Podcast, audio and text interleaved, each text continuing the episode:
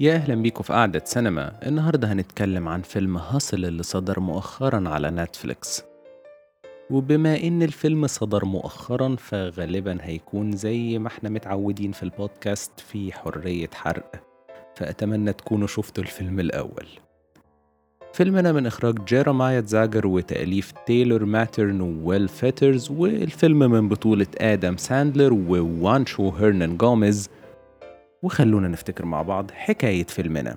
الفيلم بيحكي عن ستانلي شوجرمان كشاف اللاعبين اللي حلمه يبقى مدرب ووقت ما بيتحقق الحلم ده فعلا بقرار من مالك النادي بيموت المالك بعدها بسرعة وابن المالك الوريث بيفرض على ستانلي الرجوع ككشاف لاعبين واكتشاف لاعب يكون هو القطعة الناقصة في الفريق. وفي رحلته لأسبانيا ستانلي بيشوف بو كروز عامل البناء ولاعب كرة السلة الهاوي اللي بيلعب في الشارع وبيقرر إن هو ده الصفقة المطلوبة. ولما بيبلغ المالك أو الوريث بيرفض بحجة إن كروز مش بيلعب في مستوى احترافي. وبيحتدم الخلاف بينهم وبينتهي إن ستانلي بيسيب النادي وبيستثمر فلوسه وكل خبرته في إنه يخلي كروز لاعب محترف في ال NBA أو دوري كرة السلة الأمريكي. الفيلم في رأيي تجربة مختلفة ويعتبر رسالة حب لكرة السلة في المقام الأول. بس أنا خلال وقت مشاهدتي للفيلم استمتعت جدا رغم إن أنا مش من محبين كرة السلة ولا من المتابعين بتوعها ولا بفهم فيها خالص.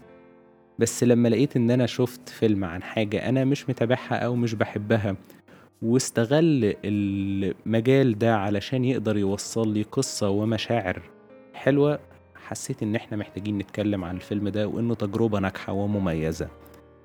فكنت حابب أعرف البداية جاية إزاي وإزاي المشروع ده بدأ. فجيرمايا زاجر مخرج الفيلم بيقول إن هو ما كانش حاسس إن هو ممكن يعمل الفيلم ده ويطلع حلو فكان رأيه إن هو مش هيعمله في الأول أصلا.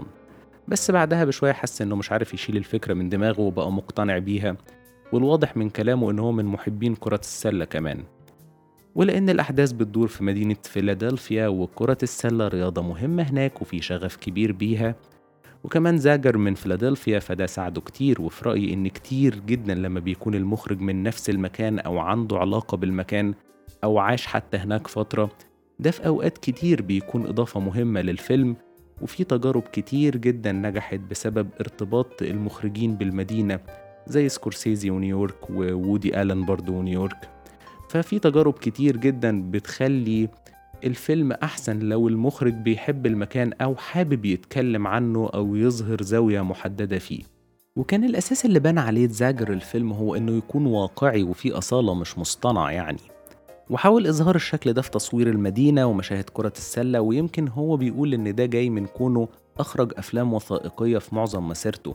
باستثناء يمكن الفيلم اللي عمله قبل ده وأنا الحقيقة ما شفتوش فده بيخليه يحب يستخدم لغة الوثائقيات اللي بتخلي الأفلام فيها واقعية ومحددة وبتنقل الحاجة زي ما هي. وعلشان يكون واقعي كمان قرر الاستعانة بممثلين معظمهم مش محترفين وكتير منهم لاعبين كرة سلة فعلا. وفي منهم اللي لعب شخصيته الحقيقية أو شخصية مكتوبة ومنهم وانشو البطل نفسه اللي لعب شخصية بو كروز هو أساسا في الحقيقة لاعب في ال NBA فالحقيقة التجربة كانت كويسة جدا وأداء اللاعبين اللي هم سواء بيمثلوا شخصيتهم الحقيقية أو شخصيات درامية.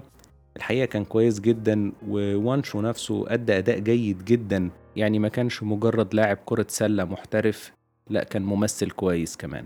أكتر حاجة حبيتها في الفيلم ده هو إن مش فكرته جديدة أو مختلفة أو في بلوت تويست قوي أو كل الكلام ده ولكن هي رومانسية الرياضة والحالة اللي بيقدر يدخل المشاهد فيها.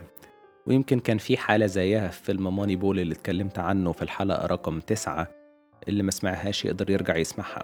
النهاية يمكن كانت واضحة لي من الأول وإن الطرفين منتظرهم نهاية سعيدة بس رحلة صعبة. وعامة فكرة التعثر وإن الهدف كل ما يقرب يبعد دي غالبا بتكون فرص نجاحها كبيرة. يعني بنلاقي ستانلي سافر ولقى كروز اللي عجبه وخلاص بيشوف إن معاه الكنز المطلوب. فبيرجع أمريكا ويلاقي لكروز سابقة عنف. ولما مالك النادي بيعرف وهو أصلا كمان على خلاف مع ستانلي بيستغل الموقف وبيحتدم بينهم الخلاف. فالهدف بيبعد تاني. فستانلي بيشتغل مع كروز ويحسن منه وتيجي أم كروز وبنته وخلال الماتش المهم بيتم استفزاز كروز ويتم وصفه إنه ما عندوش عقلية الرياضي الناجح. فالهدف بيبعد تاني ويمكن خلاص بينتهي. بس كنت حاسس إن النهاية سعيدة زي ما قلت. ففي الآخر صديقه ستانلي بينجح إنه يدخلهم ماتش في آخر ثانية وهم في المطار خلاص والدنيا بتتظبط في الآخر وبتكون بداية مشوار نجاح ليهم. فأسلوب التناول ده زي ما قلت بيوفر فرص نجاح كويسة جدا بس محتاج تفاصيل تساعد على استغلاله وده اللي حصل في الفيلم. والتفاصيل أو العناصر دي كانت المونتاج الممتاز اللي كان في أي مشاهد لكرة السلة هايل سواء بقى تدريبات أو ماتشات وكمان التصوير كان كويس جدا. وعجبتني الأغاني والموسيقى بتاعت الفيلم برضو. وعلى ذكر التصوير والمونتاج عجبني sequence السفريات اللي في الأول وفكرة التعبير بالصورة كانت موفقة فيه جدا. وبشكل عام الفصل الأول كان كويس برضه وقدر يعرفنا على ستانلي والفريق بتاعه وعيلته كمان وكل ده بدون مط وبأقصر الطرق. وعلى ذكر الفصل الأول كان في حاجة لطيفة جدا وهي ظهور روبرت دوفال في شخصية ملك النادي في بدايات الفيلم يمكن الدور صغير بس وجود روبرت دوفال دايما يعني هيدي قيمة لأي عمل لأن هو واحد من أساطير التمثيل وليه أدوار كتير مهمة. وأنا بشكل شخصي بحب شخصية توم هيجن في The Godfather الجزء الأول والتاني فكان وجوده مفاجأة لطيفة جدا. وبشكل عام ال cast كان لطيف جدا وأداء أدم ساندلر كان حلو جدا بالذات في المشاهد الدرامية. والنكت بتاعته كانت لطيفة يعني لأن أنا ماليش في الأفلام الكوميدي اللي بيعملها بس أنا بيعجبني كممثل وله أفلام ناس كتير بتحبها زي Punch-Drunk Love مع بول توماس أندرسون واحد من الأفلام المهمة جدا عمله يمكن من عشرين سنة وفي وسط الكلام عن الفيلم ده الناس دايما بتسأله عنه. لأن هو زي ما قلت واحد من الأفلام الدرامية المهمة وآدم ساندلر ممثل كويس بس هو بيستسهل يمكن ده بيكون بالنسبة له أريح ومربح أكتر بس هو من وقت للتاني كده بيعمل أفلام بتبقى مهمة زي Uncut Gems برضو الناس حبته جدا فأداؤه هنا كان كويس برضو وال cast بشكل عام كان لطيف جدا يعني كوين لطيفة اللي عملت دور مراته وبنته كان كلهم بينهم كيمياء لطيفة جدا وحسسوني إن هم عيلة بجد.